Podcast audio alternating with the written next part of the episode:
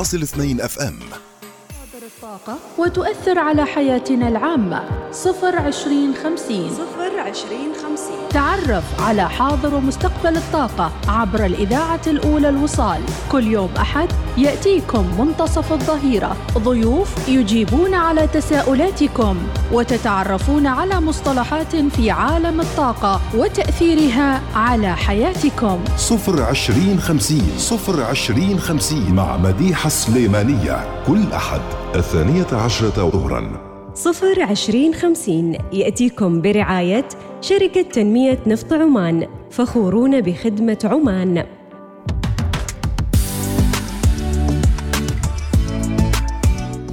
بسم الله الرحمن الرحيم. أسعد الله مساكم متابعينا بكل الخير والبشر والبركة. حياكم الله مع انطلاقه أسبوع جديد يوم الأحد حيث نلتقي بكل محبي البيئة وكل من يهمهم أيضا الحديث عن الحياد الصفري والحياد الكربوني. هذا البرنامج البيئي يأتيكم كل يوم أحد الساعة الثانية عشر وعشر دقائق ظهرا. نعم الآن 12 و 16 دقيقة. ولكن دائما نكون معكم للحديث عن كل ما يتعلق بالحياد الصفري الكربوني وخفض الانبعاثات الكربونية. مدى قربنا أيضا من تحقيق الحياد الصفري واهتمام العالم بما يتعلق بخفض الانبعاثات الكربونية وتخفيض أيضا استخدام الوقود الأحفوري. ونقترب أيضا من الفعاليات المهمة والمؤتمرات والندوات وكل ما يتعلق بخفض الانبعاثات الكربونية سواء في سلطنة عمان أو في الدول العربية المحيطة وأيضا في الدول العالمية. وننطلق وياكم في حلقة اليوم الأحد 26 جمادى الأولى 1445 هجرية الموافق العاشر من ديسمبر 2023 أصحابكم في الإعداد والتقديم والتنفيذ على الهواء مباشرة أختكم أم أحمد مديحة بالسعيد سليمانية. ويمكنكم متابعة الحلقات أيضا على بودكاست الوصال واللي أيضا موجودة على موقعنا الإلكتروني على www.وصال.fm هذا البرنامج على مدى ستة أشهر الماضية يأتيكم برعاية شركة تنمية نفط عمان. ولله الحمد والمنة سنكمل سنة كاملة من هذا البرنامج صفر عشرين خمسين. ولم يتبقى من هذا البرنامج في هذا الموسم سوى ثلاث حلقات إن شاء الله ومن بعدها سنأخذ استراحة قصيرة ونكمل بعدها حلقات الحياد الصفري في العام القادم 2024 اللي ما تبقى عليه إلا أيام وأسابيع قليلة بإذن الله تعالى. حديثنا اليوم في صفر عشرين خمسين. متابعينا سنركز على مؤتمر المناخ الذي تستضيفه دولة الإمارات العربية المتحدة. هذا المؤتمر سنويا تستضيفه واحدة من دول العالم وبالتأكيد يسلط الضوء على جهود العالم وأيضا اهتماماتهم فيما يتعلق بالوصول للحياد الصفري. ويتم من خلاله تخصيص العديد من القرارات للوصول للحياد الصفري وأيضا مجموعة من المواضيع الهامة والآنية في ذات الوقت. سيتم الحديث في هذا المؤتمر اللي انطلق بدءا من أواخر نوفمبر ويمتد إلى يوم 12 ديسمبر عن التمويل المناخي تعهدات بالمليارات والتزامات بالآلاف. الحديث أيضا سيكون عن تغير المناخ كيف يؤثر على مستقبل الطاقة. ما الذي يدفع البنوك إلى التغلغل في عالم البيئة والمناخ؟ أيضا الابتكار وأهمية الابتكار فيما يتعلق بالتغير المناخي. وكيف سيؤثر الابتكار على حجم الاستثمارات في المستقبل؟ التكنولوجيا أداة فعالة في مواجهة التغير المناخي ولكن كيف يتم أيضا توظيفها لخفض الانبعاثات الكربونية؟ مناقشة التغير المناخي والتكيف وهي رهانات جديدة هل يمكن أن نتكيف مع التغيرات المناخية؟ كل هذا وأكثر متابعينا في حلقة اليوم عن قرارات وأيضا تصريحات وننتظر الكثير من مؤتمر المناخ في دبي كوب 28 وحول الأجواء المتوترة أيضا وحالة من عدم اليقين حول مصير الوقود الأحفوري. ونبدأ وياكم مباشرة الحلقة متابعينا ولكن بعد هذا الفاصل القصير. ما هي الطاقة المتجددة؟ ما هو الحياد الصفري؟ كيف تتعرف على مصادر الطاقة وتؤثر على حياتنا العامة؟ صفر عشرين خمسين. صفر عشرين خمسين. تعرف على حاضر ومستقبل الطاقة عبر الإذاعة الأولى الوصال. كل يوم أحد يأتيكم منتصف الظهيرة. ضيوف يجيبون على تساؤلاتكم وتتعرفون على مصطلحات في عالم الطاقة وتأثيرها على حياتكم. صفر عشرين خمسين. صفر عشرين خمسين مع مديحة سليمانية. كل أحد الثانية عشرة ظهراً. صفر عشرين خمسين يأتيكم برعاية شركة تنمية نفط عمان فخورون بخدمة عمان. ابدأ يومك مع البرنامج الصباحي الأول. صباح الوصال. حالة الطقس وجديد الأخبار. شارك وتفاعل مع موضوعنا اليومي على تويتر وإنستغرام. صباح الوصال مع سميرة الفطيسية يوميا عدا الجمعة والسبت. من السادسة. إلى العاشرة صباحا. صباح الوصال يأتيكم برعاية بنك مسقط. عزز أعمالك مع حلول المشاريع الصغيرة والمتوسطة من ميثاق. قم بزيارة أقرب فرع ميثاق أو قم بزيارة ميثاق دوت أو أم. آيكيا قم بتجديد غرفة المعيشة الخاصة بك هذا الموسم بعروض غرفة المعيشة المذهلة.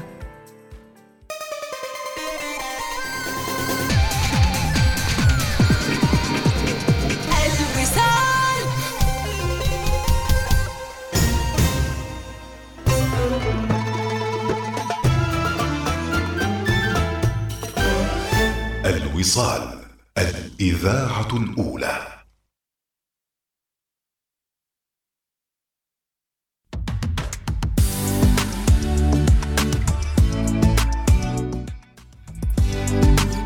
عدنا لكم متابعينا عن كوب 28 حيث افتتح معالي المهندس سالم بن ناصر العوفي وزير الطاقة والمعادن جناح سلطنة عمان المشارك في المؤتمر الثامن والعشرين لمؤتمر الأطراف اتفاقية الأمم المتحدة الإطارية بشأن تغير المناخ كوب 28 ولتستضيف أعمالها مدينة دبي بدولة الإمارات العربية المتحدة من الفترة من 30 نوفمبر وحتى 12 ديسمبر بمشاركة عدد من أصحاب المعالي والسعادة من دول مجلس التعاون ومن سلطنة عمان. وقال المهندس وزير الطاقة والمعادن نشارك العالم في مناقشات واجتماعات متعددة لأهمية إيجاد حلول عملية ومستدامة للتغير المناخي من خلال استراتيجيات وسياسات عمل واضحة.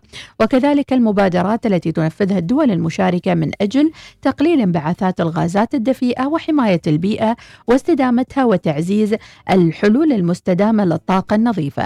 وبالنسبة لسلطنة عمان اتخذت إجراءات مهمة للوصول إلى الحياد الصفر الكربوني من خلال التوجيهات السامية بتحديد عام 2050 موعدا لذلك وإنشاء مركز عمان للاستدامة واستراتيجية التحول في الطاقة التي بدأت فعليا في تنفيذها من خلال العديد من مشاريع الطاقة المتجددة والهيدروجين. يحاكي جناح سلطنة عمان في مؤتمر كوب 28 جهود السلطنة بتحقيق وصولها للحياد الصفري بحلول 2050 تماشيا مع دول العالم في تخفيف الانبعاثات المسببة للاحتباس الحراري. كما يعكس جهود ومبادرات السلطنة التي تساهم في تحقيق الأهداف الطموحة.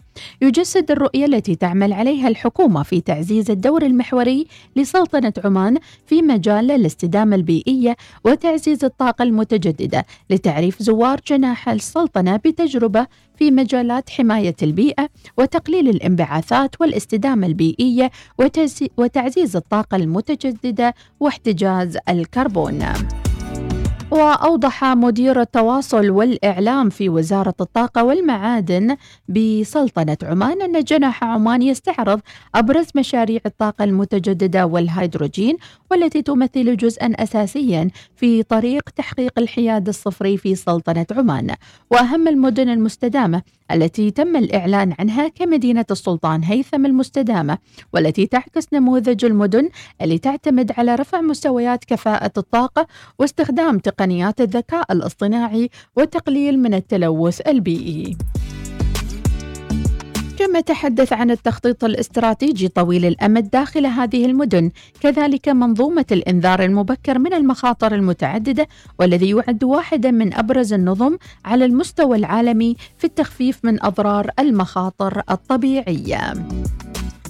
وأوضح أن مشاركة عمان في كوب 28 تحت شعار عمان مستقبل مستدام يأتي إيمانا من السلطنة بأهمية إيجاد حلول عملية ومستدامة للمشكلات العالمية بالتعاون مع دول العالم من خلال استعراض الاستراتيجيات والسياسات التي تعزز الطاقة المتجددة. فقد اتخذت خطوات مهمة للوصول للحياد الصفري وإنشاء مركز عمان للاستدامة الذي سيكون له دور الإشراف على تحقيق هذا الهدف. الهدف أما كيف سيتحقق أو تتحقق مشاريع الهيدروجين الأخضر؟ تأكيدا على سعي عمان على أن تكون مركزا لإنتاج الهيدروجين الأخضر اعتمادا على وجود مقومات رئيسية متمثلة في الطاقة الشمسية وطاقة الرياح والأراضي الممتدة والكوادر البشرية. كما أن خبرة السلطنة في إنتاج الطاقة وتصديرها وموقعها في الأسواق وطرق, التجارة العالمية يساهم بأن تكون رائدة في هذا المجال. كذلك علاقة سلطنة عمان الدولية تمتلكها حول العالم ستساهم في تحقيق خططها وأهدافها الاستراتيجية لتكون مركزا عالميا مهما في إنتاج وتصدير الهيدروجين الأخضر. كما أنه تم تخصيص مساحة تزيد على 50 ألف كيلومتر مربع لمشاريع الهيدروجين الأخضر تطرح على مراحل كما تستهدف الخطط الطموحة إلى إنتاج أكثر من مليون طن من الهيدروجين الأخضر بحلول العام 2030 وصولا إلى استغلال 30% من الأراضي المخصصة حاليا في عام 2050 لإنتاج ما يقارب 8 ملايين طن من الهيدروجين الأخضر. وتدعم سلطنة عمان إنشاء منظومة فعالة متوازنة ومرنة لحماية الموارد الطبيعية العمانية واستدامتها دعما للاقتصاد الوطني وذلك انطلاقا من اعتماد السلطان هيثم بن طارق حفظه الله ورعاه في عام 2050 لتحقيق الحياد الصفري الكربوني وإنشاء مركز عمان للاستدامة بناء على مخرجات مختبر إدارة الكربون وهي خطوة مهمة وإيجابية لتحقيق الحياد الصفري الكربوني الذي سيساهم في تحقيق التوازن بين التنمية المستدامة والحد من تداعيات تغير المناخ. والاستفادة من التكنولوجيا النظيفة لتحقيق الاستدامة وبناء اقتصاد المعرفة وتنويع مصادر الطاقة. كما سيتكفل مركز عمان للاستدامة بضمان تنفيذ مخرجات الخطة الوطنية للحياد الصفر الكربوني ومتابعة الأنشطة المختلفة وتحقيقها للنسب المستهدفة للحد من انبعاثات الغازات الدفيئة. وسيستمر في تطوير الفرص الموجودة في كل القطاعات المستهدفة من أجل تفعيل الخطة التنفيذية ومتابعتها مع التغيرات على الساحة الدولية أو المحلية التي تطرأ خلال تنفيذ هذه المرحلة. وهناك خطة طموحة لزراعة أكثر من 100 مليون شجرة مانغروف. وأكد الدكتور غازي بن علي الرواس عميد البحث العلمي في جامعة السلطان قابوس عضو اللجنة التوجيهية للتغيرات المناخية بسلطنة عمان أن السلطنة تطمح بزراعة 100 مليون شجرة مانغروف على السواحل بحلول عام 2030 وأكد الدكتور الرواس أن أشجار المانغروف تمثل أهمية بيئية كبيرة وشريانا حيويا بحريا وكنوز طبيعية ذات فوائد بيئية واقتصادية وسياحية. كما تعد مخازن طبيعية لامتصاص الكربون وتسهم في تخليص الشواطئ من الملوثات وتقلل من درجة الحرارة ورطوبة المناخ. وأكد الدكتور الرواس أن مشاركة بلاده أو سلطنة عمان في مؤتمر الأطراف بقمة المناخ كوب 28 في الإمارات هو من أجل استعراض سياسات السلطنة للوصول للحياد الصفري وتخفيف الانبعاثات الكربونية.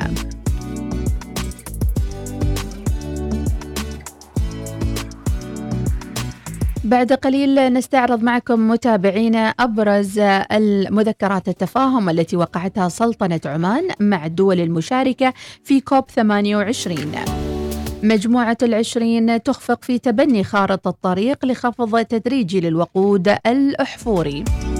ما هو القلق المناخي وما هي آثاره الاقتصادية أيضا سنطرح هذا الموضوع ضمن ما تبقى من حلقة اليوم صفر عشرين خمسين ولكن بعد فاصل قصير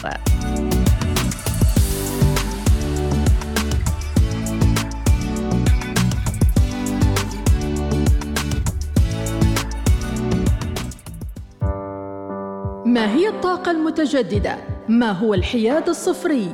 كيف تتعرف على مصادر الطاقة وتؤثر على حياتنا العامة؟ صفر عشرين خمسين صفر عشرين خمسين. تعرف على حاضر ومستقبل الطاقة عبر الإذاعة الأولى الوصال. كل يوم أحد يأتيكم منتصف الظهيرة. ضيوف يجيبون على تساؤلاتكم وتتعرفون على مصطلحات في عالم الطاقة وتأثيرها على حياتكم. صفر عشرين خمسين صفر عشرين خمسين مع مديحة سليمانية. كل أحد الثانية عشرة ظهراً. صفر عشرين خمسين يأتيكم برعاية شركة تنمية نفط عمان فخورون بخدمة عمان. الوصال الإذاعة الأولى. الهيئة العمانية للأعمال الخيرية تفتح باب التبرع لإغاثة إخواننا في فلسطين. تبرع الآن عبر الموقع الإلكتروني للهيئة أو منصة جود. أو أرسل كلمة تبرع إلى الرقم 90022 لمستخدمي عمان تل أو أرسل كلمة فلسطين بالعربي أو الإنجليزي إلى الرقم 90909 لمستخدمي أريد أو عبر أجهزة الدفع الآلي لشركة أونك ولمعرفة المزيد من وسائل التبرع زر الموقع الإلكتروني لهيئة الأعمال الخيرية www.oco.org.om/oco مد يد الخير. وتبرع بما تجود به نفسك. حين يكون المساء مختلفا بتفاصيله وباتجاهاته المتعددة بالمرح والمعلومة من الشرق والغرب.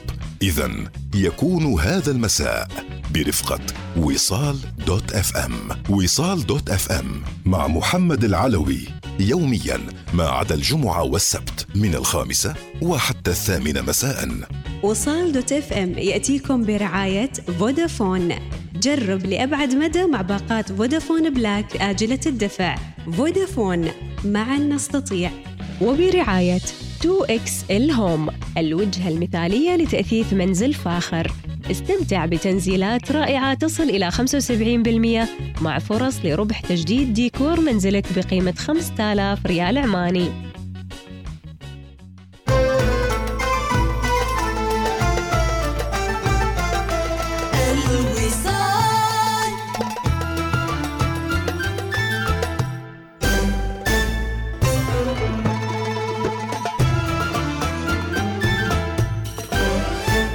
الوصال الإذاعة الأولى.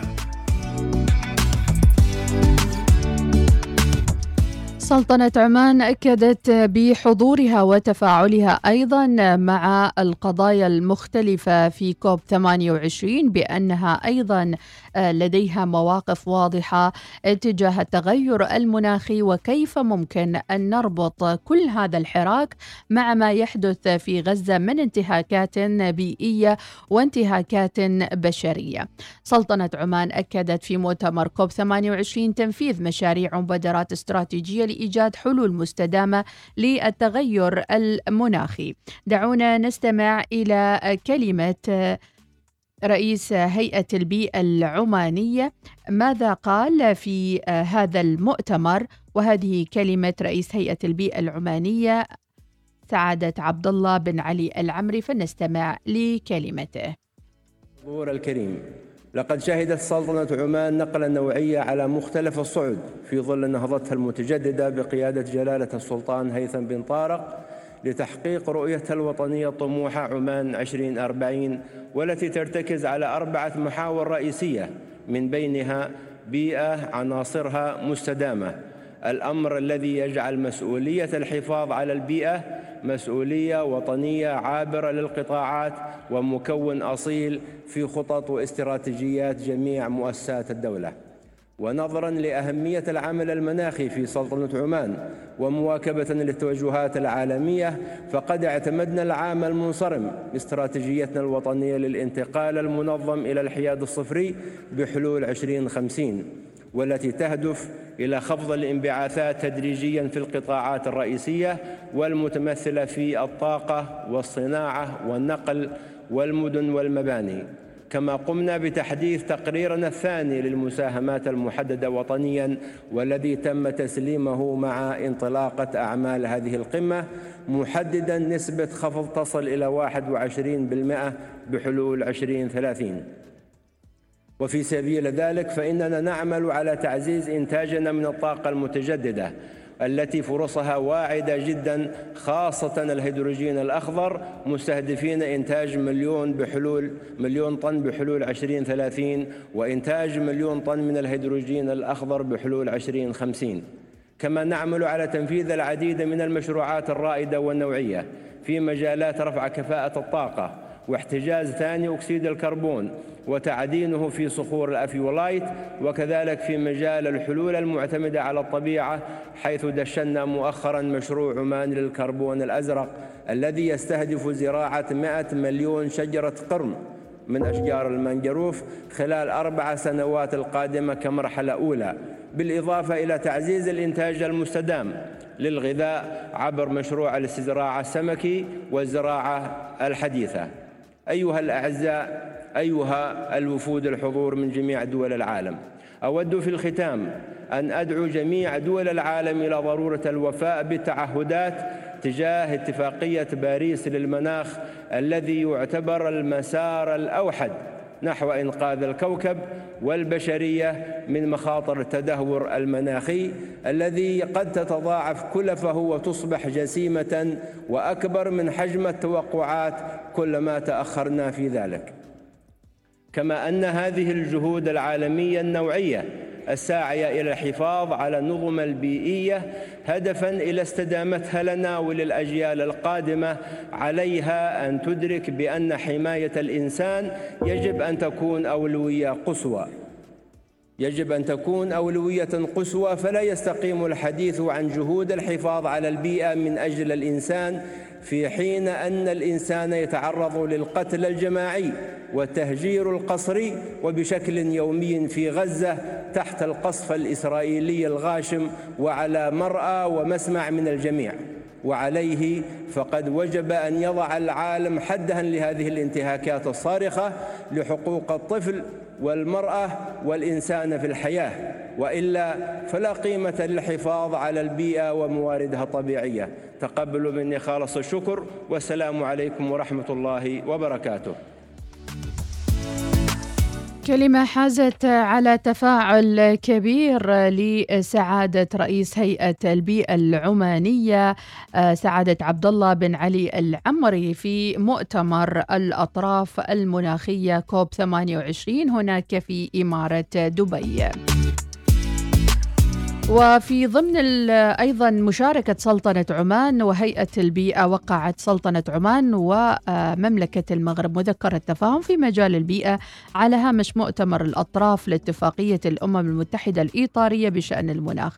مثل هيئة البيئة العمانية في توقيع المذكرة آه، هيئة البيئة فيما وزارة الانتقال الطاقي والتنمية المستدامة المغربية من مملكة المغرب. وتنص المذكرة على تشجيع الطرفين على التعاون في مجالات تغير المناخ والانتقال الطاقي والحوكمة البيئية والمراقبة والرصد والتقييم البيئي. وتشير المذكرة إلى تطوير السياحة البيئية ورصد جودة الهواء وحماية البيئة البحرية والشاطئية مؤكدا على تبادل المعلومات البيئية بين سلطنة عمان والمملكة المغربية. إذا موضوعات كثيرة فيما يتعلق بالبيئة والتغير المناخي وأيضا سواء من جوانبها الاقتصادية أم أيضا من جوانب أخرى متنوعة. بانتظار أيضا آه، يعني أن تصدر أهم القرارات قبل ختام مؤتمر الأطراف المناخي كوب 28 ما مصير الوقود الأحفوري ولماذا الأجواء متوترة هناك في إمارة دبي نتعرف على تفاصيلها ولكن بعد فاصل قصير فابقوا معنا ما هي الطاقة المتجددة؟ ما هو الحياد الصفري؟ كيف تتعرف على مصادر الطاقة وتؤثر على حياتنا العامة؟ صفر عشرين خمسين صفر عشرين خمسين تعرف على حاضر ومستقبل الطاقة عبر الإذاعة الأولى الوصال. كل يوم أحد يأتيكم منتصف الظهيرة. ضيوف يجيبون على تساؤلاتكم وتتعرفون على مصطلحات في عالم الطاقة وتأثيرها على حياتكم. صفر عشرين خمسين صفر عشرين خمسين مع مديحة السليمانية كل أحد الثانية عشرة ظهراً. صفر عشرين خمسين يأتيكم برعاية شركة تنمية نفط عمان فخورون بخدمة عمان. تابع آخر الأخبار المحلية وشاهد مقاطع فيديو حصرية على تطبيق الوصال. قم بتحميل التطبيق الآن من جوجل بلاي أو آب ستور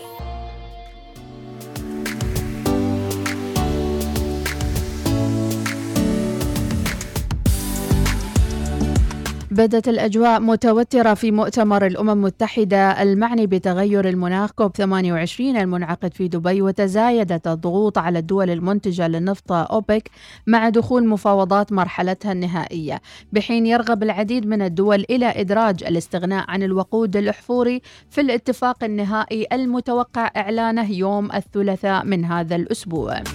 ويضغط أعضاء أوبك لإحباط محاولات إدراج صيغة حول التخلص التدريجي من الوقود الأحفوري في اتفاق مؤتمر كوب 28 مما يسلط الضوء على الصراع حول ما إذا كانت القمة قادرة على تناول مستقبل النفط والغاز لأول مرة منذ 30 عاما.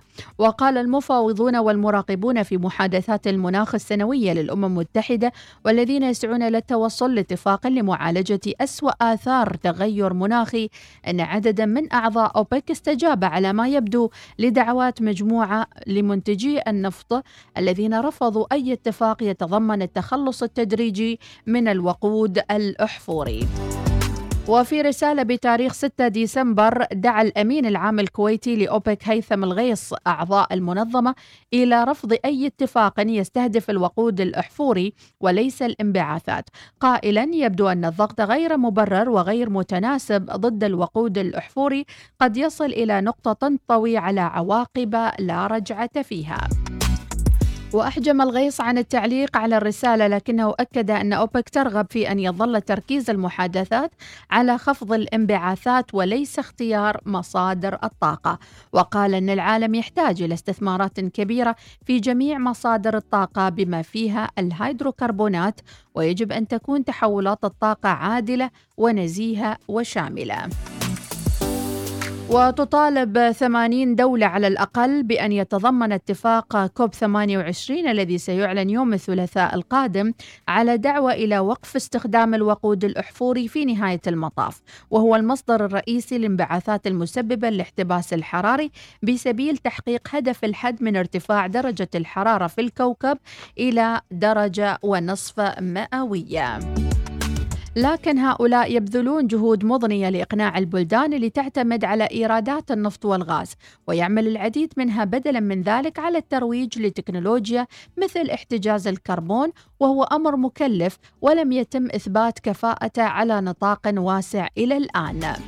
وقالت وزيرة التحول البيئي الإسبانية تيريزا ريبيرا التي تتولى بلادها الرئاسة النصف سنوية لمجلس الاتحاد الأوروبي أنها تعتقد أن الأمر مثير للإشمئزاز أن تعارض دول أوبك وضع المعايير حيث ينبغي أن تكون فيما يتعلق بالمناخ.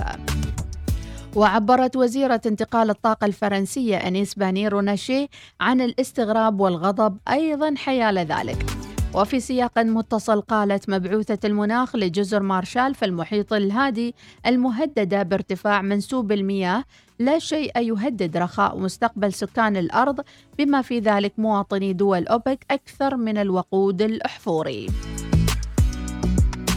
وتبدو المواقف متشددة مع دخول مؤتمر الأطراف كوب 28 في صلب المسائل مع عودة الوزراء اعتبارا من أمس السبت لمحاولة حلحلة العقبات. ولكن على منصة المؤتمر تعاقب المتحدثون من دون أن يلحظ أي تغيير في موقف دولهم. حتى أن ممثل قطر انتهز الفرصة ليشيد بالغاز الطبيعي الذي تعد بلاده منتجا رئيسيا لهذا النوع من الوقود. وأكد وزير البيئة القطري فالح ناصر آل ثاني أن قطر تزود الأسواق العالمية بالطاقة النظيفة بفضل إنتاج الغاز الطبيعي. وعبر آخرون عن نفاذ صبرهم وقال وزير ساموا سيدريك شوستر الذي يرأس تحالف الدول الجزرية الصغيرة نحن قلقون بشأن وتيرة المفاوضات نظرا للوقت المحدود المتبقي لهم في دبي. وقالت مبعوثة ألمانيا للمناخ جينيفر مورغان لا يشارك الجميع بشكل بناء في هذا المؤتمر وهذا ما يقلقني. وندخل الآن في مرحلة حرجة من المفاوضات. لقد حان الوقت لكي نتذكر جميعا أن هناك بلدان مهددة وهناك بلدان على المحك. واقترحت أن تحدث المسودة التي نشرت يوم الجمعة في صيغتها بشأن الوقود الأحفوري وتتضمن خمس اختيارات بما في ذلك خيار لا نص أو عدم التطرق إلى الوقود الأحفوري إطلاقاً. وبعد أسبوع شمل محادثات تتعلق بالنواحي الفنية تشهد مفاوضات الآن مشاركات وزراء قبل ختام القمة المزمع يوم الثلاثاء وتشكل هذه المشاركات آخر مرحلة لمساعي الدول من أجل التوصل إلى توافق في الآراء بشأن الصياغة المتعلقة بالوقود الأحفوري. وتتضمن النسخة الأحدث للنص الذي يجري التفاوض حوله مجموعة من الخيارات البديلة بداية من الاتفاق على التخلص التدريجي من الوقود الأحفوري وفقا لأفضل السبل العلمية المتاحة للتخلص التدريجي من عمليات حرق الوقود الأحفوري التي لا يتم فيها التقاط الكربون واحتجازه. ويرد ذكر الوقود الأحفوري أيضا في المقطع الذي يدعو إلى مضاعفة قدرات الطاقة المتجددة في العالم ثلاث مرات بحلول العام 2030 وحذر شوستر الألماني من أن هدف مضاعفة مصادر الطاقة المتجددة لا يمكن أن يحل محل التزام أقوى بالتخلي عن الوقود الأحفوري وإنهاء الإعانات المقدمة لهذا القطاع. ولكن وزير البيئة الكندي ستيفن جيلبو الذي يضع يطلع بدور الرئيسي في مفاوضات مؤتمر الأطراف بدا متفائلا. وقال الوزير لدى سؤال في دبي عن إمكانية أن يرد, أن يرد ذكر الوقود الأحفوري في الاتفاق فقال أنا واثق تماما دعونا ننتظر إلى يوم الثلاثاء. إذا العالم يترقب ماذا سيتفق الزعماء وأيضا المعنيين بالبيئة هناك في دبي في مؤتمر الأطراف المناخية كوب 28 وأيضا بانتظار أن يتم الإعلان ما هي الدولة القادمة التي ستستضيف مؤتمر الأطراف. وهل هذه المؤتمرات رغم البذخ الكبير وأيضا التوعية الكبيرة فيما يتعلق آه، بالبيئة وأيضا الحفاظ عليها والمبادرات التي تطلق من خلال هذه المؤتمرات هل تأتي بأكلها حقا أم أنها نوع من الاستعراض البيئي؟ نعود ونصل إلى ختام الحلقة ولكن بعد فاصل أخير وقصير هذا البرنامج 02050 يأتيكم برعاية شركة تنمية نفط عمان بي دي أو نعود ونختم الحلقة بعد قليل ما هي الطاقة المتجددة؟ ما هو الحياد الصفري؟ كيف تتعرف على مصادر الطاقة وتؤثر على حياتنا العامة؟ صفر عشرين خمسين. صفر عشرين خمسين. تعرف على حاضر ومستقبل الطاقة عبر الإذاعة الأولى الوصال. كل يوم أحد يأتيكم منتصف الظهيرة. ضيوف يجيبون على تساؤلاتكم وتتعرفون على مصطلحات في عالم الطاقة وتأثيرها على حياتكم. صفر عشرين خمسين. صفر عشرين خمسين مع مديحة سليمانية. كل أحد الثانية عشرة ظهراً. صفر عشرين خمسين يأتيكم برعاية شركة تنمية نفط عمان فخورون بخدمة عمان. البيئة وكوكب الأرض يتسع حاليا لأكثر من 8 مليار نسمة. 8 مليار نسمة هناك من يلتزم بالحفاظ على البيئة وهناك من لا تشغلهم المشاكل البيئية. وهناك من يعتقد بأن كوكب الأرض قادر على أن يصلح كل العيوب التي يرتكبها البشر ويقوم بها التجار والصناعيون والباحثون عن الطاقة سواء كانت طاقة نظيفة أم طاقة غير نظيفة. فلأي درجة نحن نحتاج إلى مثل هذه المؤتمرات مؤتمرات الطاقة ولأي درجة يكون تأثيراتها أساسية وكبيرة جدا في صنع القرار وتغيير المشهد البيئي. رسالة لرئيس كوب 28 وقعها 800 من قادة القطاعات العالميين. تلقى الدكتور سلطان أحمد الجابر وزير الصناعة والتكنولوجيا المتقدمة بدولة الإمارات المتحدة رئيس كوب 28 دعوة من أكثر من 800 من قيادات قطاعات الأعمال والتمويل والعمل الخيري والسياسة والأوساط الأكاديمية والمجتمع المدني يدعونه في الرسالة وجميع ممثلي الدول الأطراف لمضاعفة جهود الحفاظ على إمكانية تفادي تجاوز الارتفاع في درجة الحرارة في كوكب الأرض مستوى واحد ونص درجة مئوية استجابة لنتائج الحصيلة العالمية. وجاء في نص الرسالة الدولية التي وقع عليها قادة القطاعات العالميين. مع دخولنا الأيام الأخيرة لمؤتمر الأطراف كوب 28 وصلنا إلى نتيجة واضحة بضرورة إحداث نقلة نوعية في العمل المناخي. فالعالم وسكانه بحاجة لتحقيق نتائج فعلية للحفاظ على إمكانية تحقيق هدف واحد ونص درجة مئوية. ولكن إنجاز هذه المهمة التاريخية يتطلب منا أن نعمل كفريق واحد. وأوضحت الرسالة أن إشارات التحول والفرص عبر القطاعات والمجتمع موجودة في كل مكان حولنا. وفي الوقت نفسه أصبحت حالة الطوارئ المناخية أشد وطأة من أي وقت مضى والأمر متروك لنا لاغتنام هذه الفرصة لأن ما يتم إنجازه هنا في دبي يجب أن يترك أثرا تاريخيا سيحدد مصير الأجيال القادمة.